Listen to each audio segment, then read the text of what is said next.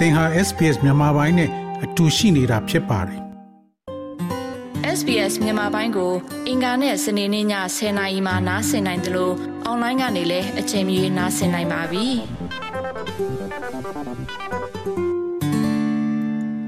သောရရှိမြခင်သောရရှိမြယခုမှန်ကန်စွာ recycling လုပ်နေပါသလားဆိုတဲ့ဆောင်းပါးကိုတင်ဆက်ပေးမှာဖြစ်ပါတယ်။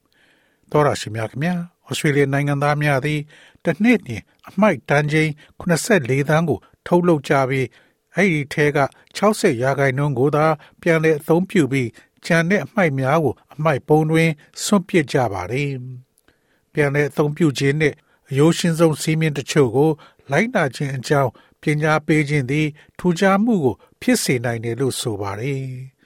Australian အများစုသည် ပြန်လည်အသုံးပြုခြင်းရဲ့အရေးကြီးမှုကိုသတိပြုမိတော့လဲအများအပြားမှာပြန်လည်အသုံးပြု၍မရနိုင်သည့်အရာနဲ့ပတ်သက်လို့စိတ်ရှုပ်ထွေးနေကြတယ်လို့ Clean Up Australia ရဲ့ဥက္ကဋ္ဌ Pete Kieran ကပြောဆိုပါတယ်။ There was a recent study this year that found that 89% of us think it's important, but only around one in three of us are getting it right when it comes to ဒီနေ့မချသေးမီကလေးလာမှုတစ်ခုအရဆိုရင်89ရာခိုင်နှုန်းကအဲ့ဒါကအရေးကြီးတယ်လို့ယူဆပေမဲ့ကျမတို့၃ယောက်မှတစ်ယောက်က recycling bin ထဲမှာထည့်ရတဲ့အရာနဲ့ပတ်သက်ရင်မှန်မှန်ကန်ကန်မလုံနိုင်တဲ့အတွက် တိုးတက်မှုတွေလုံဆောင်နိုင်ဖို့အခန်းတစ်ခုရှိနေပါတယ်။မှားရင်သောဖြစ်စီများကို ပြန်လည်အသုံးပြုသည့်ဘုံထဲသို့ထည့်ခြင်းသို့မဟုတ်၎င်းတို့ကို ပလတ်စတစ်အိတ်ထဲထည့်ခြင်းသည်ပြန်လည်အသုံးပြုနိုင်သည့်ကြံပစ္စည်းများကိုပါအမိုက်ပုံးတစ်ခုလုံးကိုအမိုက်ပုံကိုပို့မဲ့စားမြေဖို့ရာတွင်သုံးမဲ့အမိုက်သရိုက်ထဲသို့ပို့ဆောင်ပေးနေပါတယ်။လေလာမှုအများအရဆိုရင် လူအများပြားသည့် ပစ္စည်းကို ပြန်လည်အသုံးပြု၍ရနိုင်သည့်ဆိုသည်ကို မသေးကြ၍အမိုက်ပုံထဲပစ္စည်းများထည့်ထားသည်ဟု လေးလာမှုကဖော်ပြထားပါတယ်။၎င်းကို recycling ဟုခေါ်ပြီး ညဉ့်ညမ်းမှုကိုဖြစ်စေသောအဓိကပံ့ပိုးမှုတစ်ခုဖြစ်ပါတယ်။ Common mistakes we make are things where we think, oh, I wish that were recycling, I'm going to put it in. So things like tissues, kitchen towels, people put textiles in there, nappies. These items can contaminate the recycling, the whole truck of recycling. ကျွန်ုပ်တို့လုံမိတဲ့မှားတွေကကျွန်ုပ်တို့ထင်ထားတဲ့အရာတွေအဲ့ဒါတွေကိုပြန်လည်အသုံးပြုလို့ရစေချင်ပါတယ်အဲ့ဒါကိုထည့်လိုက်မယ် ဒါကြောင့်တ िश ူတွေမီးဖို့ကြောင်သုံးမျက်နှာသုတ်ပွားတွေလူတွေကအထည်အလိတ်တွေလက်သုတ်ပွားတွေဒီပစ္စည်းတွေကိုညဉ့်ညမ်းစေပြီးဒါကပြန်လည်အသုံးပြုတဲ့ကုန်တင်ကားကြီးတစ်ခုလုံးကိုညဉ့်ညမ်းစေနိုင်ပါတယ်ပြီးတော့ဘက်ထရီတွေကတကယ်အရေးကြီးတဲ့ပစ္စည်းတစ်ခုပါအဲ့ဒါတွေကပြန်လည်အသုံးပြုတဲ့ဘုံထဲမှာလုံးဝထည့်လို့မရပါဘူးပြန်လည်အသုံးပြုခြင်းဆိုင်ရာစီးမြင်စည်းကမ်းများသည့် ပြည်내နှင့်နယ်မြေများကြားသာမက ကောင်စီနယ်မြေကြားတွင်လည်းကွဲပြားသောကြောင့်သင့်ဒေသရှိကောင်စီနှင့်စစ်ဆေးရန်အလွန်အရေးကြီးပါတယ်။ဒါကြောင့်နိုင်ငံတော်ဝန်ရှိဩစတြေးလျနိုင်ငံသားများအားပညာပေးခြင်းသည် အတော်လေးစိန်ခေါ်မှုကို ဖြစ်စေပါတယ်။ Greenius by Cleanway ကဲ့သို့သော အခမဲ့ online ကိရိယာများသည်သင့်ဒေသအတွက်သီးခြားရှင်းလင်းသော အမိုက်ပုံလမ်းညွှန်ချက်ကိုပံ့ပိုးပေးနိုင်ပါတယ်။ ဒါပေမဲ့ကျွန်တော်တို့အားလုံးလိုက်နာသင့်တဲ့ဘုံစည်းမျဉ်းတစ်ခုကတော့ပြန်လည်အသုံးပြုလို့ရတဲ့အမိုက်တွေတန်ရှင်းပြီးခြောက်သွေ့တဲ့အမိုက်တွေကို curbside recycling bin ထဲကိုထည့်ထားဖို့ပါပဲ။ Don't put your recyclables into a plastic bag, for instance. They need to go in clean and dry. So if you think about a jar, for instance, we need to take out any solid food from there, any liquids, separate the metal lid from the glass, and put those items separately into the bin. If you think about cardboard, that needs to be clean and dry. So if ပလတ်စတစ်အိတ်ထဲသို့မထည့်ပါနဲ့။တန်းစင်ပြီး၆သွေးအောင်လုပ်ရမယ်။ဥပမာအားဖြင့်ပလင်းတစ်လုံးအကြောင်းသင်တွေးကြည့်ရင် အဲ့ဒီထဲမှာမြည်သည့်အဆိုင်ခဲအစားအစာသို့မဟုတ်အရေးတစ်ခုခုကိုအရင်ထုတ်ပြရမှာဖြစ်ပါတယ်။ပလင်ရဲ့သတ္ထုအဖုံးကိုဖန်ခွဲမှခွဲထုတ်ပြီးထိုအရာများကိုအမိုက်ပုံးထဲသို့သီးသန့်ထားရန်လိုအပ်ပါတယ်။ဂတ်ထုပြားအကြောင်းတွေကိုတွေးရင်အဲ့ဒါကတန်ရှင်း၆သွေးဖို့လိုပါတယ်။ဒါကြောင့်အစီပြန်တဲ့ဆိုရင်သူ့ကို recycle အမိုက်ပုံးထဲကို ပြန်ထည့်လို့မရပါဘူး။ရေဘူးရအားဖြင့်အမိုက်ပုံးထဲကို ထည့်ရမှာဖြစ်ပါတယ်။ဒီတော့ပစ္စည်းတစ်ခုဟာပြန်လည်အသုံးပြုလို့မရဘူးဆိုတာဘယ်လိုသိနိုင်ပါလဲ Australian Recycling Label ARL ကို2018ခုနှစ်တွင်မိတ်ဆက်ခဲ့ပြီးထုတ်ပိုးမှုရဲ့မြည်သည့်အစိတ်ပိုင်းကို ပြန်လည်အသုံးပြုနိုင်ကြောင်းကို ရှင်းလင်းစွာလမ်းညွှန်ထားပါတယ်။၎င်းတွင် အဖုံးအစွပ်များအဖုံးများနှင့်ပလတ်စတစ်လက်အစွပ်များကဲ့သို့သော အစိတ်ပိုင်းများကို ခွဲခြားထားလေ့ရှိတယ်လို့ Miss Kieran ကရှင်းပြပါတယ်။ And that provides very good guidance to us as, as consumers. So often some rules like the spray you use in the laundry for pre-stain remover, for instance, some of those products, the nozzle itself may not be recyclable, but the bottle may. And if it has that Australian recycling label, it will give you that guidance, um, and know to, to separate those items ထို့ကြောင့်မကြာခဏဆိုသလိုအစွန်းထင်းများကိုဖယ်ရှားရန်အတွက်အဝိလျှော်ခန်းထဲတွင်သင်အသုံးပြုတဲ့ဖြန်းစေးကဲ့သို့သောအချို့သောစီးမြင်များပါရှိပြီးဥပမာအားဖြင့်တချို့သောထုတ်ကုန်များ nozzle များကပြန်တဲ့အသုံးပြုရမရတော့လဲပလင်းကတော့ပြန်သုံးပြုလို့ရပါတယ်တကယ်လို့၎င်းတွင် Australian Recycling Label ပါရှိပါကသင်အားလမ်းညွှန်ချက်ပေးမှဖြစ်ပြီး၎ င်းတို့ကိုပြန်လည်အသုံးပြုတဲ့ဘုံထဲသို့မထည့်မီဒါကိုခွဲခြားထားရန်သင်သိပါလိမ့်မယ်တကယ်လို့ပစ္စည်းတစ်ခုတွင်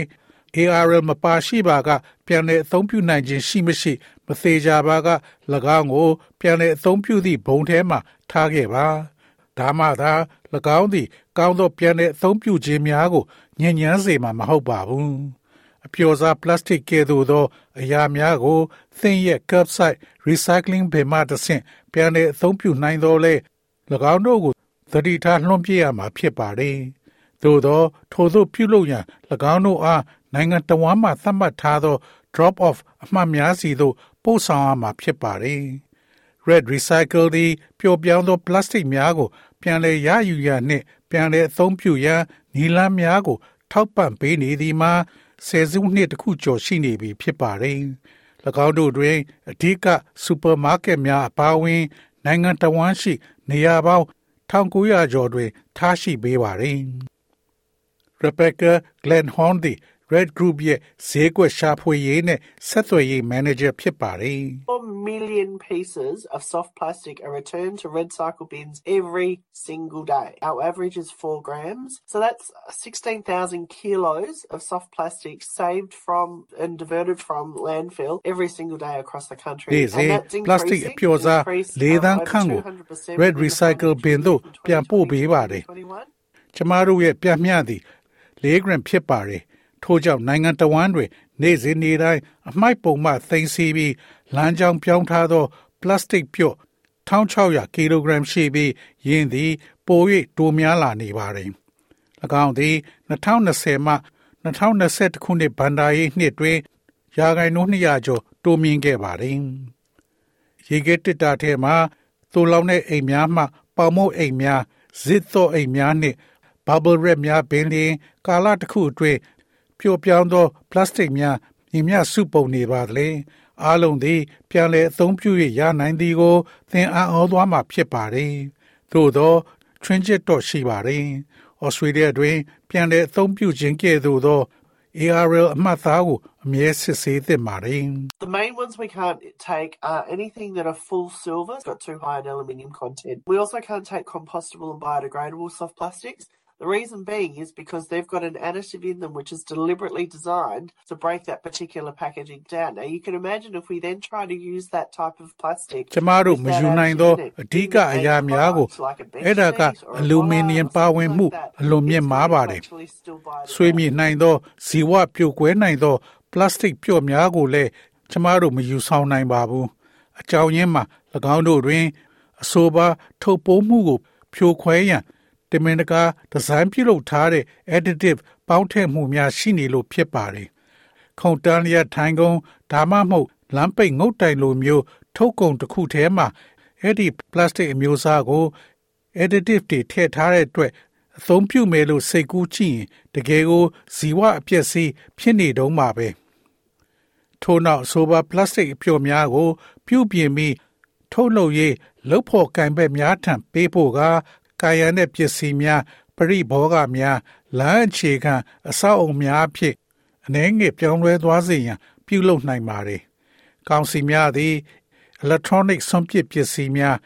white good ကိုအဖြူရောင်ပစ္စည်းများနှင့်ဓာတ်မှန်ရိုက်ချင်းကဲ့သို့သော ပြန်လည်အသုံးပြုရမရသော တခြားအိမ်သုံးအမိုက်များကိုစုဆောင်းရန်သတ်မှတ်ထားတဲ့နေ့ရက်များရှိပါတယ်။ဘေကင်စွာစွန့်ပစ်ရန်အတွက်အန္တရာယ်ရှိသော ဓာတုပစ္စည်းများနဲ့ဘက်ထရီများကိုစုဆောင်းထားပြီးနောက်မှပြစ်လို့ရပါတယ်။အမိုက်ကိုအသက်အဆန်းအဖြစ်သို့ပြောင်းလဲရာတွင်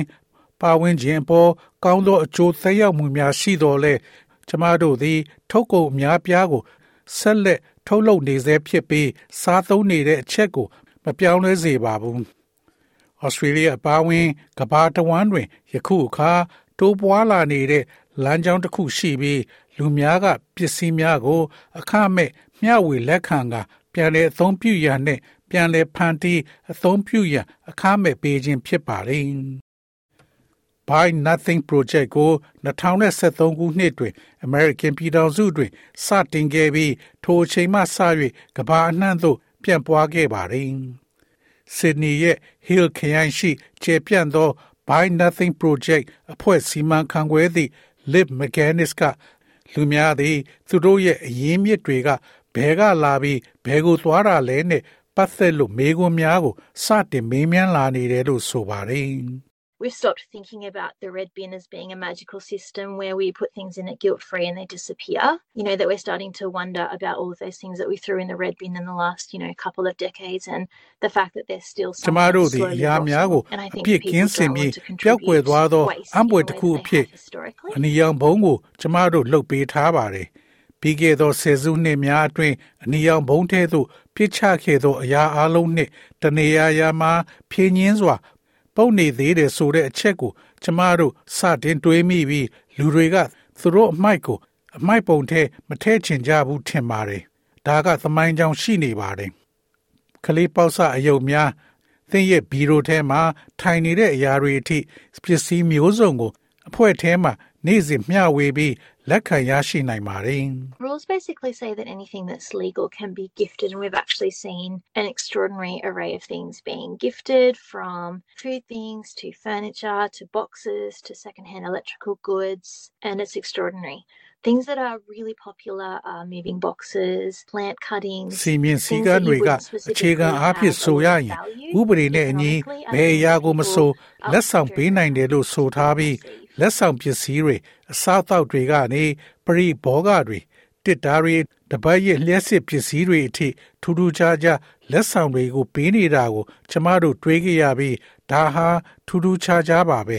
တကယ်ရေပန်းစားတဲ့အရာတွေကတော့ရွေရှားတစ်တာတွေအပင်ဖြတ်တောက်မှုတွေစီးပွားရေးအရာအတိအကျတမိုးမထားတဲ့အရာတွေဟာလူတွေက ပေးကမ်းရတာကို မကြာခဏအယမ်းပျော်တတ်တဲ့အရာတွေပါ ပစ္စည်းများကို ပြန်လည်အသုံးပြုခြင်းနှင့်ရည်ရွယ်ချက်အသစ်ဖြင့်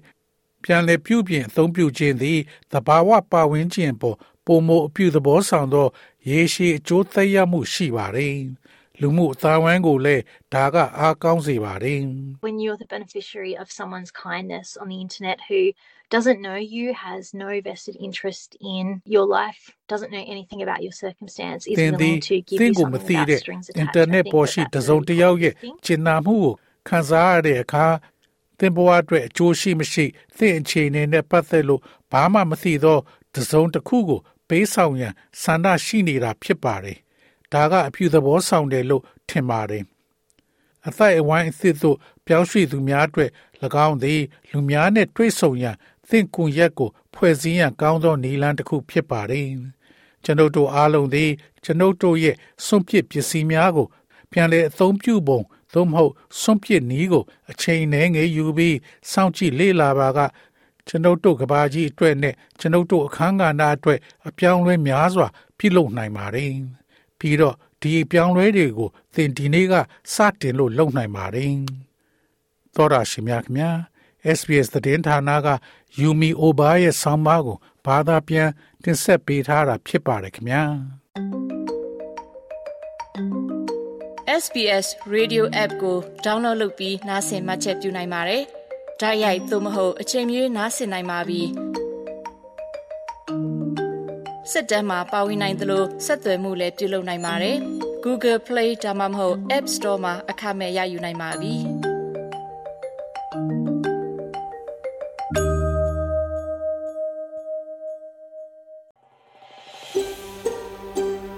ဒါမျိုးသတင်းဆောင်မတွေကိုပိုနားဆင်လိုပါလား Apple Podcast Google Podcast Spotify တို့မှာသင်ပင်ရာဖြစ်ဖြစ်ရယူတဲ့ podcast ကနေပါ